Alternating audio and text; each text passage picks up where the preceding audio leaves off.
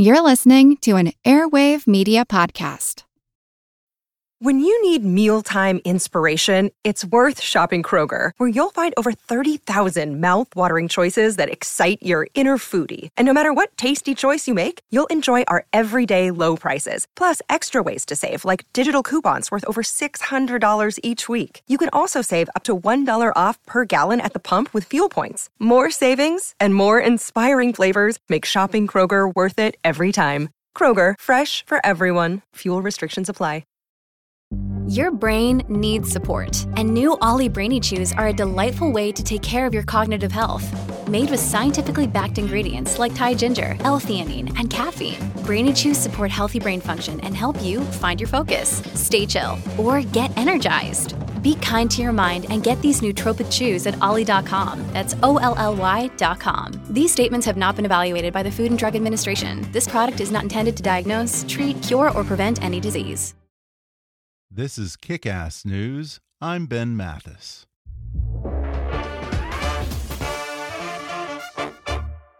Support for today's show comes from the new Amazon series Homecoming, directed by Sam Esmail, the creator of Mr. Robot.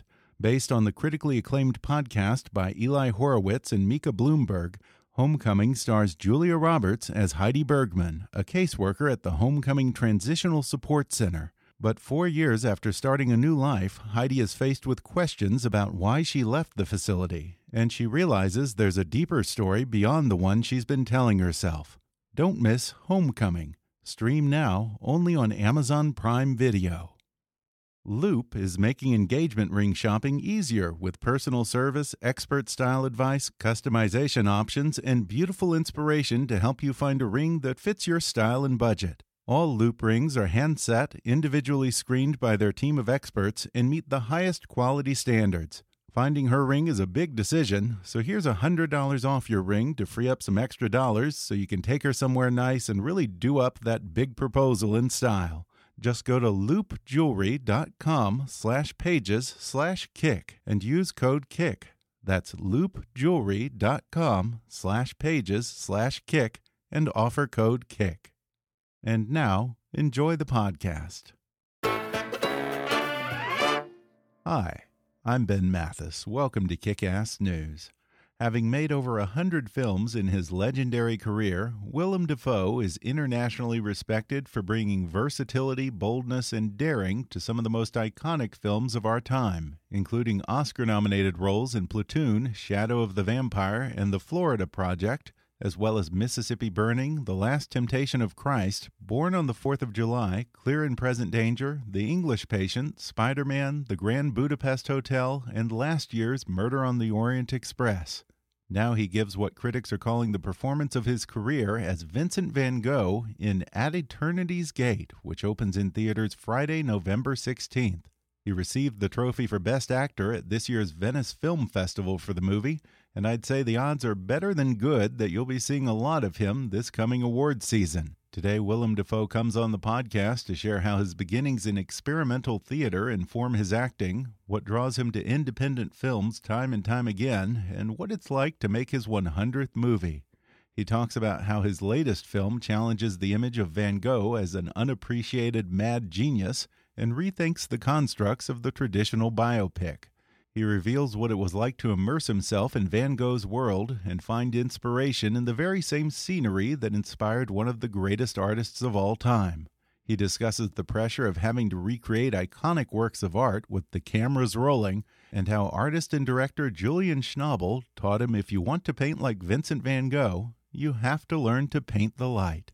Plus, the proper pronunciation of Van Gogh, or is it Van Gogh? The time he tried to summon the ghost of Houdini, and the beauty of embracing the mystery in life. Coming up with actor Willem Dafoe in just a moment.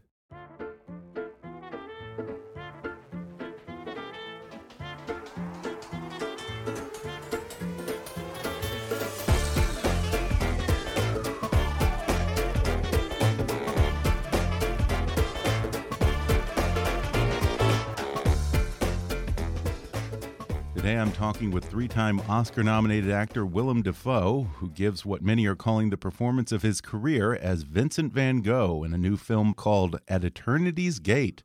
Willem Dafoe, welcome. Thank you. Well, we were just talking before we came in here because I have a bunch of magic posters in my office about the fact that you're from Appleton, Wisconsin, which is the birthplace of who? Well, it's not the birthplace. Oh, okay, the hometown. He grew up there, hometown of Eric Weiss, better known as Harry Houdini. The Great Houdini. The Great Houdini. Wow. Yeah, and you were saying that at one point, I, I guess you guys tried to contact him with a Ouija board, right? Well, uh, When I were a kid? I- when I was a kid, a friend's father was uh, in a building that he was going to turn into a restaurant, and someone said, "You know, this used to be where uh, the family home of uh, uh, Harry Houdini." and we were kids, and we got out the Ouija board and said, "Harry Houdini, if you're there, contact us." And it kept on going, E W E W E W. We thought, ah, this doesn't work. Of course, years later, we found out that uh, his given name was Eric Weiss. wow. And that's funny because like his whole thing was disproving mediums and he said if you can really come back from the other side, he told his wife, try to contact me on the anniversary of my death for 10 years. And it was this whole thing trying to contact him from the other side. And you managed to do what no one else could do. That's incredible. Growing up in Appleton, Wisconsin, was he like the biggest celebrity from there? Um, I'm afraid there Oh, was no. another celebrity. Uh, Who's that? Senator Joe McCarthy. Oh, right, Wisconsin. Yeah. yeah. Wow. Tail Gunner Joe. Yikes. Yeah.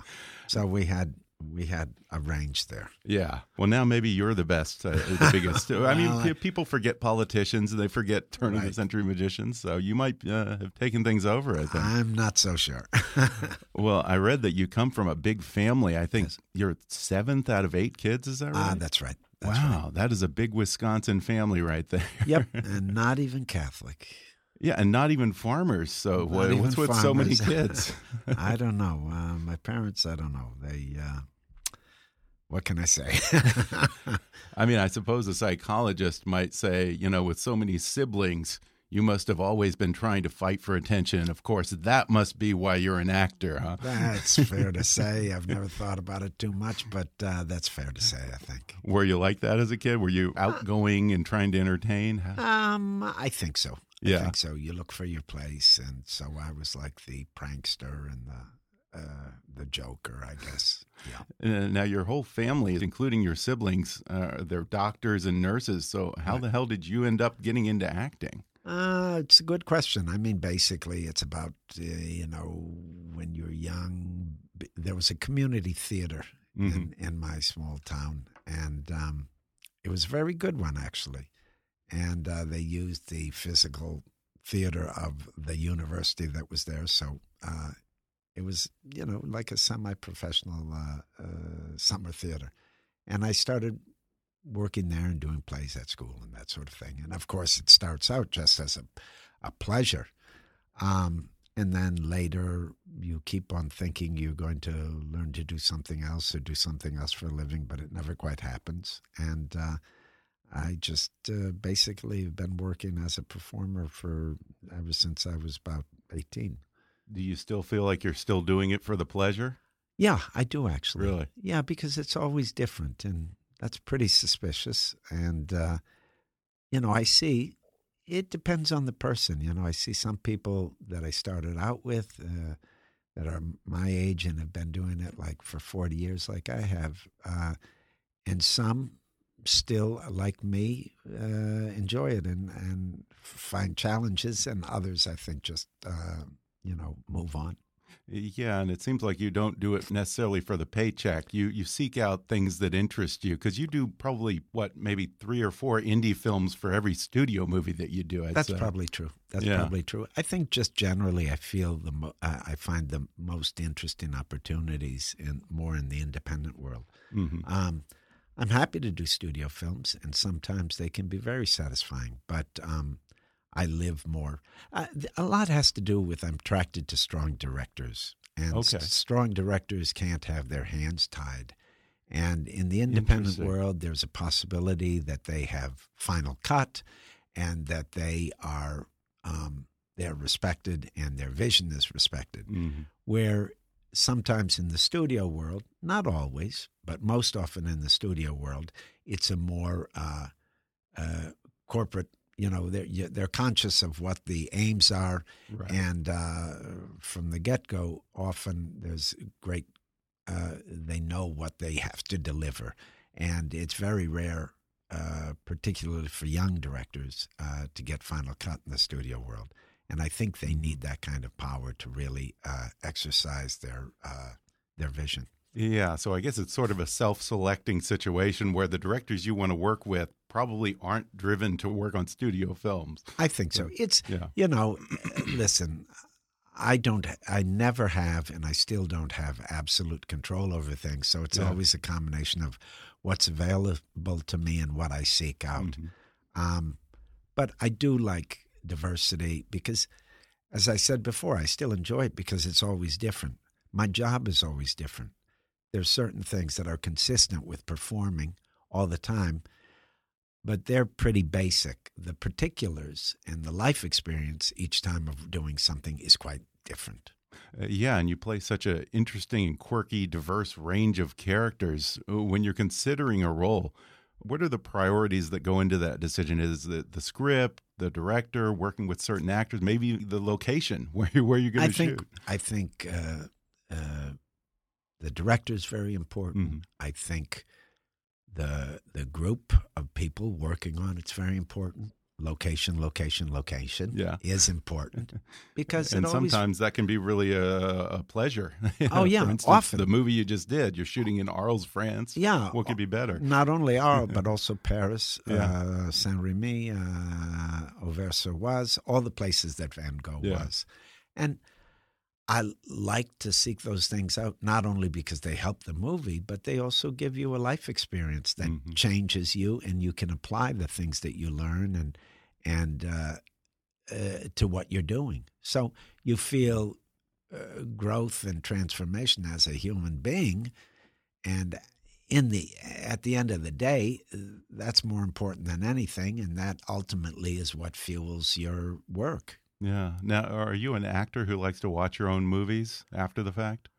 You know, I'm not allergic to it. I can do it, but generally, um, because I like to work, uh, once I finish something, yeah, I, I take care of it and I care about it, and I, I try to, if I, particularly if uh, I like the movie, I, I try very hard to promote it and that sort of thing. Um, but then after that, I'm on to the next thing. Yeah. And it's like, you know, as you get older, you realize what you put in uh, to your brain is what you sit with. You know, Yeah. so you know when you're when you're finished with something, the lessons learned and the pleasures will stay with you intuitively. Mhm. But as far as uh, being with it, you got to make room for other things. Yeah. So Yeah. I do look. I, I, you know, if if I'm if I'm going to a film festival or something and they have a retrospective, or I see, it's very rare, but if I see something on TV and you know, I can watch for a little while and say, "Oh my God!" and I get a flood of associations, and it's fun for me. But Oh, it's not. brings it's, back the memories of the filming, huh? Absolutely. But I never, I never like say, "Oh, let me look at so and so and and Let me study watch it." myself Yeah, for an let's hour. wait. Yeah, and that's the other thing. I mean, Yeah. somewhere, yeah, you got to make room for for the new. Yeah. Uh, How about dailies? Do you like to look at your day's work or do you leave it on the set usually? Um, usually, I think. I mean, this is. It depends with each project, and it depends on what the director wants. Mhm. But normally, uh, I I avoid that Yeah. because, you know, the mantra is, I guess, if you like what you see, it doesn't help you because Right. you feel a pressure to keep it up, and you can Yeah. become self conscious. And if you don't wa- like what you see, it can make you um, insecure and put you into Yeah. a, a fit of doubting yourself. So you know, I try to concentrate on the doing and the reflecting and the judgment of what's going on. Uh, you know, you address yourself to that, but you try not to obsess on that. And there's something, there's other people to um, uh, that can uh, watch that. That's why Yeah. you want a strong director. Yeah, I mean, I suppose if you're not a director or an editor, it's sort of an exercise in futility because there's nothing you can do about it. Well, that's the other thing Yeah. because as a as a performer, I mean, on some projects more than others, you're invited to collaborate in the post, or mm-hmm. you're involved. Some some you're there purely as an actor. Sometimes you're there as an actor and a filmmaker and a collaborator. It depends right. on yeah, the project. True. Yeah, but generally, it's you know where your concentration is is really giving a performance that's integrated and comes from mm-hmm. someplace, and no matter how they cut it no matter how they light it, no matter how whatever happens, however it gets mediated, mm-hmm. at least you have something that's whole and and connected and you're not outside of it. You're not yeah. judging yourself, you're not second guessing yourself, you're not thinking, "Oh, how this will play." You're not self-conscious. You're doing because performing is doing. Uh, doing, then stuff happens and you react to it. Uh, I, I think less about choice and you know conscious choices than about being open and flexible and responsive.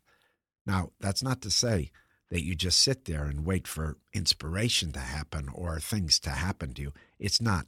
You go forward, and then as you go forward, things you react to the you know there's a cause and effect to things, and you react, and then before you know it, a rhythm starts to happen, mm-hmm. and that rhythm puts you deeper and deeper into you know what you're trying to inhabit yeah. and then you start to create a relationship and then it becomes a life it's like a creation and when that that thing is put into play and is put into play in a way that you aren't stopping it then a very beautiful thing can happen. And you can surprise yourself. You can do things that you couldn't even dream up.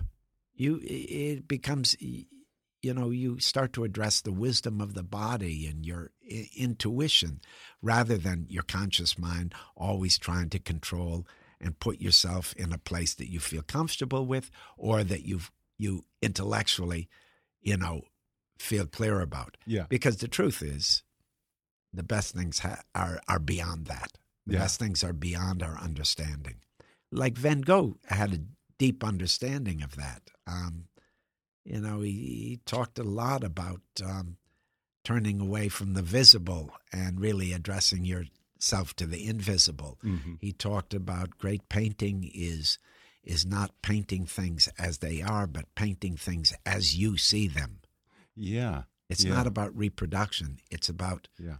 you know, having a response the way that you talk about acting and you relate it in a way to physical art and to dance, which I've heard before, where you're talking about the body and the rhythm and you know acting is doing and so forth. Yes. Uh, do you find that those kind of things inform your acting? Other mediums? Uh, you know, many things were formed. You know, when I was starting out in the theater, I still work in the theater, but for many years I was with a company called the Wooster Group Right. And it was a very physical theater, and we made original theater pieces. And that really informed uh, my approach to uh, to performing and making things. Mm -hmm. I know that when you're filming, you don't like a lot of outside distractions. In fact, I, somewhere I read that you don't like to watch movies and TV because you don't want it to influence your performance. You seem to really be into immersing yourself in the moment when you're on a movie. Um, I think that's true. When you say it, it's like I don't quite recognize that because when okay. I hear that about other actors, I think, oh, it's a method. Method, thing, yeah, you know? exactly. I. It's true that when I, it depends on the movie, mm-hmm. but like right now, I'm making a movie, and I find myself really, when I have free time, I just want to read things connected to the movie, or mm-hmm. see things connected to the movie, or practice things connected to the movie, and I feel like when I go outside of that, and I do occasionally in my dreams, in my waking moments, I'm thinking about other things that don't necessarily relate to the movie. So yeah. I like a more concentrated approach, you know? It's because somewhere you're pretending you're you're reordering ordering your life. I mean, one of the mm. great things about shooting on location is you leave your life behind. You know, you leave your yeah. habits behind behind. You're living in a different place. You're you have different relationships. You, you, you know, it really throws you off your your normal impulses, your normal habits, and that's sort of a blessing because it cleanses you of your impulses and then it makes room for new impulses. And where do you get those new impulses? By feeding your your your new routines, your new head with things relating to Yeah. what you're doing.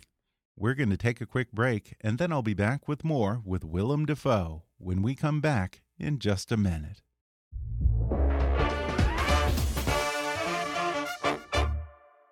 Almost every day, we hear something on the news about a cyber attack. Sometimes it's just a bunch of pranksters, but more often it's a foreign country with vast cyber resources trying to hack our power grid, our banking system, or our military's information networks.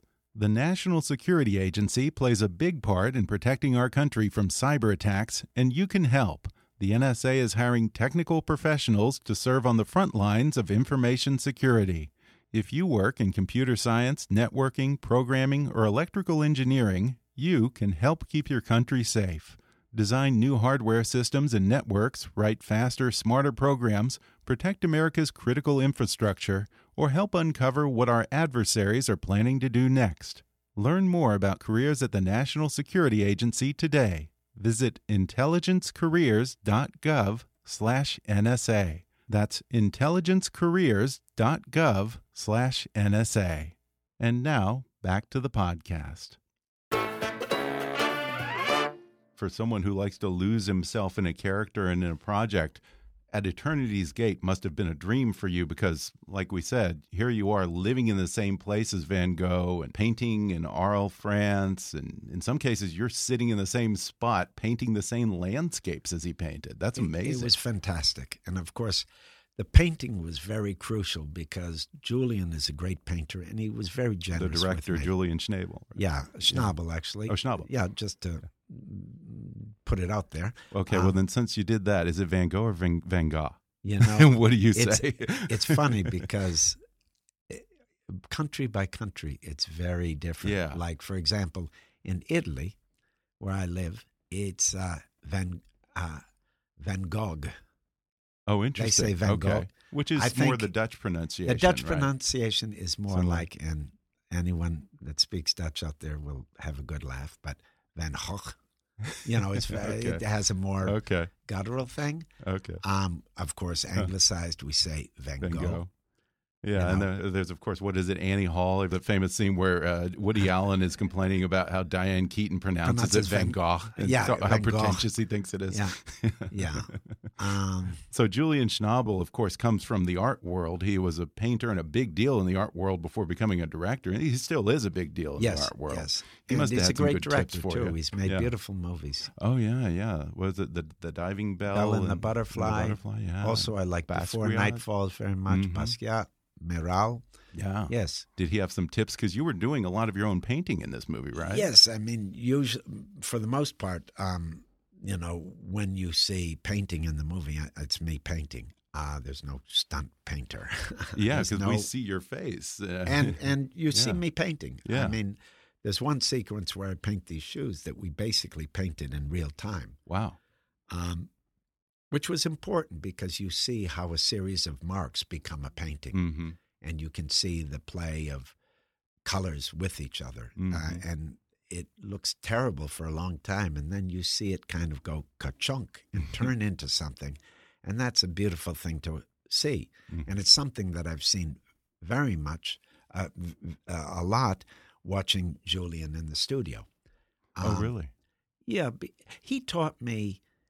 He taught me to think in terms of a series of marks. He Mhm. also taught me how to paint light, to look at something like when I'm looking at you now, rather than thinking of a good likeness, I'm l- l- s- seeing what I really see, and I'm saying there's a white, uh, there's a white, hard white line on your nose that Huh. clearly comes from the light.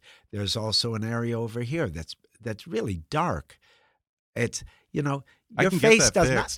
no, exactly. your your face doesn't have white Right. and and dark spots on it right. but I am painting the light. Mhm. And when I start to do that, things, these marks start to talk to each other Yeah. and they make something that somehow captures what you are. It's not a good likeness, but it does capture what you are.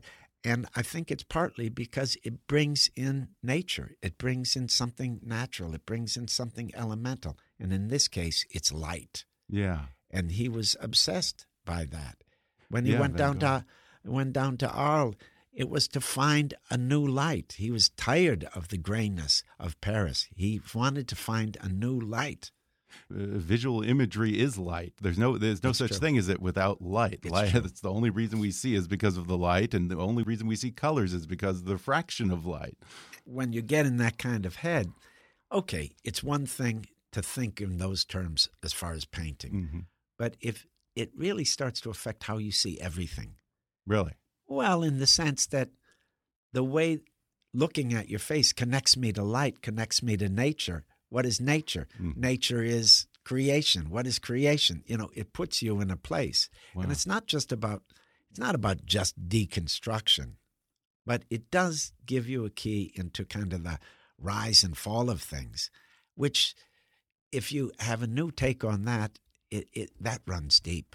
I love that about this film because it kind of connects, like you said, the light to nature and nature to God, God. and he was a very spiritual man, which was surprising. I didn't really under, That understand was surprising that to part me, but uh, Yeah. he was steeped in it because his father was a pastor. Mhm. When he was younger, he tried to be uh, a religious man, um, and uh, he remained quite religious uh, throughout his life. Yeah. Not yeah. formally, but in his in the relationship he had to nature and to God, it was very intense. and he kind of has this sense of himself as the martyred artist which there's a great scene i think toward the end where he's talking with a priest and he actually compares himself to jesus You- you're someone who's actually played jesus of Yes. course in the last temptation of christ uh, did you take similar approaches to playing these two characters Um, only in the respect that I had to forget that I was playing Jesus when I was playing Jesus, and I Oh, had yeah? to forget I was playing Van Gogh when I played Van yeah Gogh. okay you know, I had to concentrate on what we were Mhm. doing and Yeah. not think of it as an accounting of who these historical figures were. And, or more precisely, you're not making the movie to explain who these people are. You're making a parallel thing. You're making, hopefully, a piece of art to express something. And it's your reaction or your experience of that Mhm. thing. It's not the thing itself. So you're kind of free. And that's why this, this film is, of course, to some degree, fact based, but other in in other uh, cases, in other aspects, it's it's uh, invented. mm-hmm. But that's the only way you can make something. Yeah, and one of the things that I really love about this film that makes it stand out is that the audience kind of gets to inhabit his shoes along with you because as much as any biopic that I've seen recently with the steady cam, the inner monologue, the pacing of it, at Eternity's Gate really allows the audience to sort of inhabit the man and get a sense of what his world was like. I think it's very it's a subjective experience. You're Mhm. with him, you're with his thoughts, and you're with the experience because primarily by how it's shot, and it's it's you know Julian being a painter, he's a very visual guy. He thinks in visual terms. He really has you with Van Gogh. The Mhm. angle of the shots, the framing, the kind of movement, the kind of cutting, it all has you with Van Gogh. the audience really gets a sense of his isolation when he's by himself on a cold day in his room and you know longing to be with a friend like Gauguin and have some company or his ecstasy when he's out on a sunny day and running through the fields can't wait to start his latest painting Right. Good. uh, this film calls into question a lot of the long held assumptions about Vincent van Gogh, such as this idea that he was some obscure, totally unrecognized, struggling artist who didn't get discovered until after his death. I mean, yes, he was a starving artist who relied on the charity of his brother, but he was not some obscure person. There were people who recognized his genius in the art world in real time. Yes, he he, he had a very um, one of his shows had a great reception. Gauguin was an admirer of his. Yeah. Uh, toward the end of his life. Uh, yes, he wasn't selling paintings, but uh, he did have a reputation. He was connected to many of the um, impressionists socially. Uh, Mhm. he knew these people. Um, it wasn't like he was totally isolated. And more importantly, this was a very productive period of his time. Yeah. Uh, uh, of his life, time of his life. It's a period where he was basically painting a painting a day. Wow. And this is even when he's in the hospital and he's very uh, disturbed and struggling with certain mental and social uh, uh, challenges. From the film, I, I want to say that he says something along the lines that painting is how he frees himself of his mind or gets away from his mind. Yeah, he so doesn't think when therapy he's in some sense.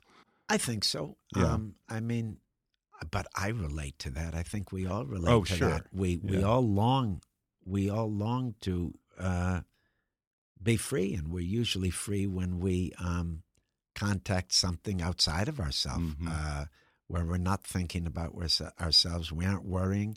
We're in movement. We're we're not thinking. We're uh, we're part of the whole swirl of things. Yeah. And uh, it's kind of jokey, but swirl is a useful uh, word uh, when we speak about Van Gogh Right. because you you uh, see it quite literally in some of his paintings. Yeah. But he had a deep understanding of the swirl of Yeah. things. Now, when you were painting as Van Gogh, was that hard? Because he was, as you mentioned, a fast painter. Yes, He liked to paint fast. Actually, Julian uh, really taught me well how to use the materials and Mm-hmm. how to hold a brush, how to work the paint, how to think in terms of marks, painting light, many things. He it was really a very strong experience for Mm-hmm. me. But I think of him making lots of little marks Mhm. and having them talk to each other. um, you particularly feel that in the drawings. Some of Mhm. those Oh, yeah. uh, uh, ink drawings that I did with the columnists, you know, that those little movements, the cypress tree that breaks down to just a series of swirls interconnecting, Yeah. that that was uh, that was a great. Uh, it really opened up a different part of my brain to work that way. Yeah, and I was interested to learn that a lot of those drawings that were in this notebook were lost to the world for I think over a hundred years, right? I, I don't know how long, but yeah, a long, long time, and they Yeah. uh, fairly recently were discovered. That's incredible. Now, do you think Van Gogh knew that he was ahead of his time, or do you think he doubted himself? We know Did he that have he doubted sense? himself. That's Yeah. evidenced over and over again in his letters Mm-hmm. uh, to his brother. And of course, that was a very intimate, loving relationship. He was very, very close to his brother, and his Mhm. brother supported him uh, most of his adult life, supported him financially and emotionally. Uh, he had great doubts. He had great doubts. He had fits of doubts. Yeah, and uh, one thing that I like about this film, uh, again, like I said, it challenges certain assumptions, such as this idea that he was totally obscure, or what the deal was with cutting off the ear, or whether he committed suicide, Right. or whether he was murdered. Um, At one point, Van Gogh talks about what he likes about Shakespeare is the mystery and the ambiguity of his words. And similarly, Van Gogh is a man who you can never really truly know. You can only get a sense of the man. As an actor, do you find yourself drawn to the intangible and mysterious elements of a character? Is that is that where the good stuff is? Absolutely. Yeah. And you're very, I, I appreciate your selection of bringing out that moment where he says, I don't always understand all of it, but mm-hmm. that's okay because he's the most mysterious writer and, and he's, he, says he's attracted to mystery Yeah. because mystery is very close to wonder and wonder is very close to life. You know, nothing can be explained away. I think, he, particularly in our modern age, we're obsessed with function and reason, Mhm. and we have to, uh, in order to live and in order to stay alive and wake up, we have to, you know, address ourselves to the stuff that can't be explained. Yeah. And certainly in art and entertainment and in life, those that's where the gold is for me. Now, do you have a favorite painting of his? I don't. I No? don't. No, I don't.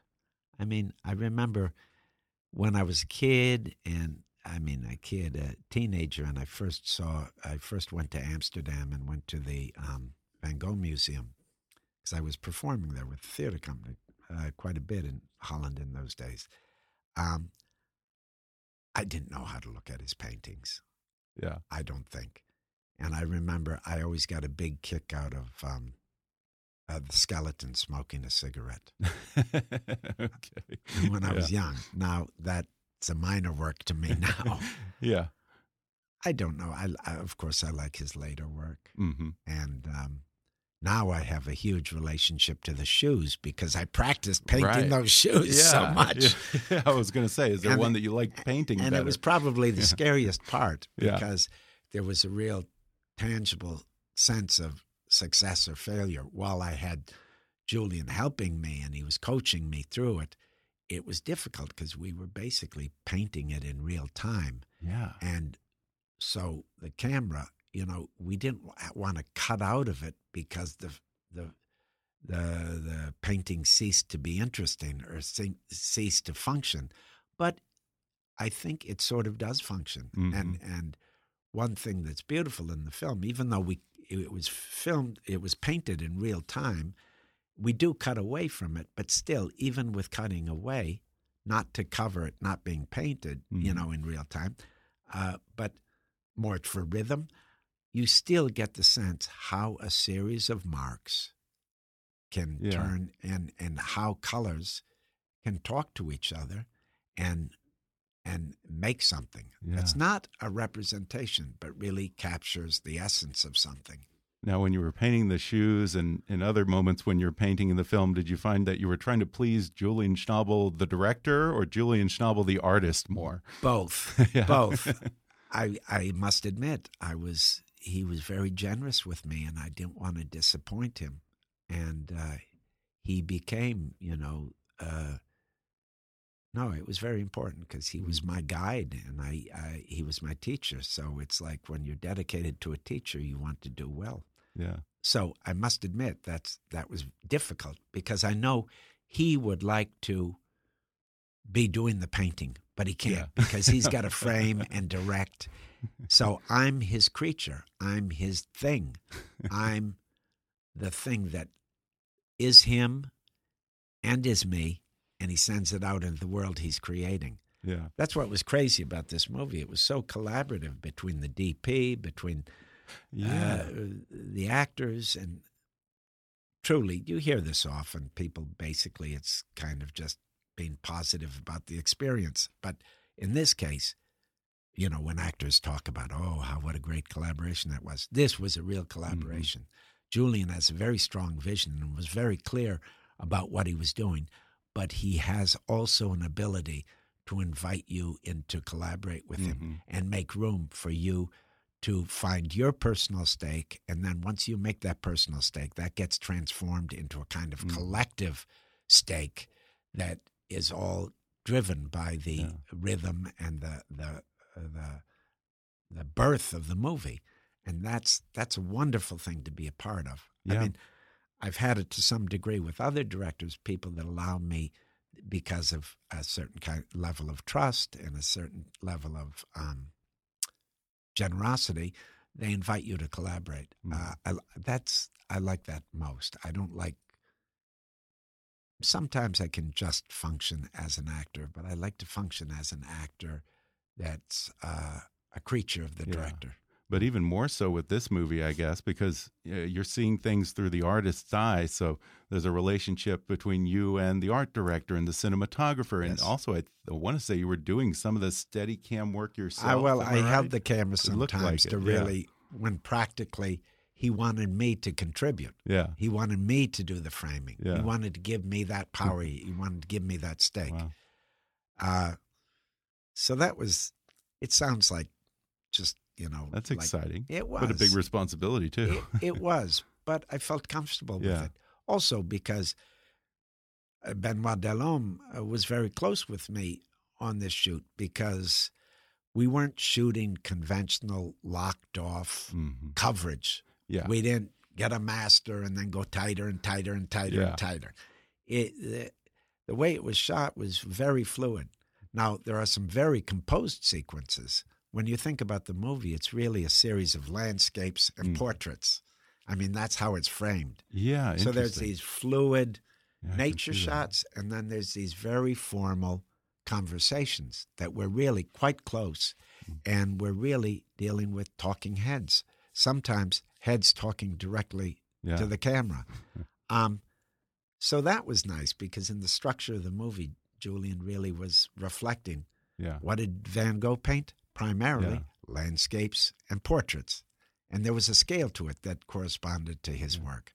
So I don't know. It was. Uh, It must have been an experience. It was. It was fantastic. It looks like it. And I want to say, I, I think I have this right, that this is your 99th film. So what, Aquaman will be the 100th? Is that right? Or I- do we have that You right? know, I, I don't know where you're counting, but I, I, okay. I it depends how you count movies, Right, you know, yeah. because some are cameos, some are, you know, Right. very involved, you know, six Okay. month shoots, some Yeah. are a couple days.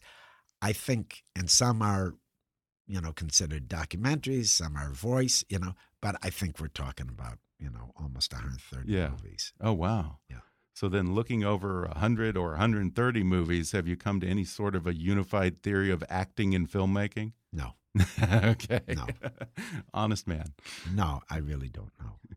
Well, All I know is it still calls me and uh, it's still mysterious. but but I've been I've been in that mysterious place in that space uh, place scratching my head about it that it's a place of insecurity or uncertainty Yeah.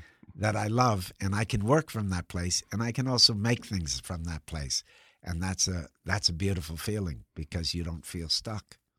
Embrace the mystery. Yeah, there we go. Well, at Eternity's Gate is just fantastic. I think you've got another Oscar nomination in your future. Not that I want to jinx you, but everyone should definitely see it. Thanks. Willem Dafoe, thanks so much for talking yeah, with my pleasure.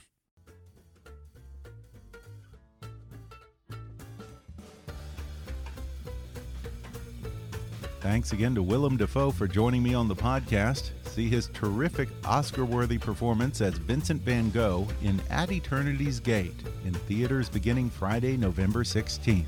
The Flatiron School will teach you everything you need to get a job in code, data science, or design, but they'll also prepare you for the jobs that don't even exist yet. Go to flatironschool.com slash podcast and read about graduates' new careers, salary ranges, upcoming courses, and explore these exciting new careers. You can start building your own career in coding, data science, or digital design at one of Flatiron's local WeWork campuses, or you can take courses online. Go to flatironschool.com slash podcast, read the reviews, and sign up for a free intro course. Enrollment is open now. If you haven't already, be sure to subscribe to Kickass News on iTunes and leave us a review. You can follow us on Facebook or on Twitter at, at KickassNewsPod. And as always, I welcome your comments, questions, and ideas at comments at kickassnews.com. I'm Ben Mathis, and thanks for listening to Kickass News.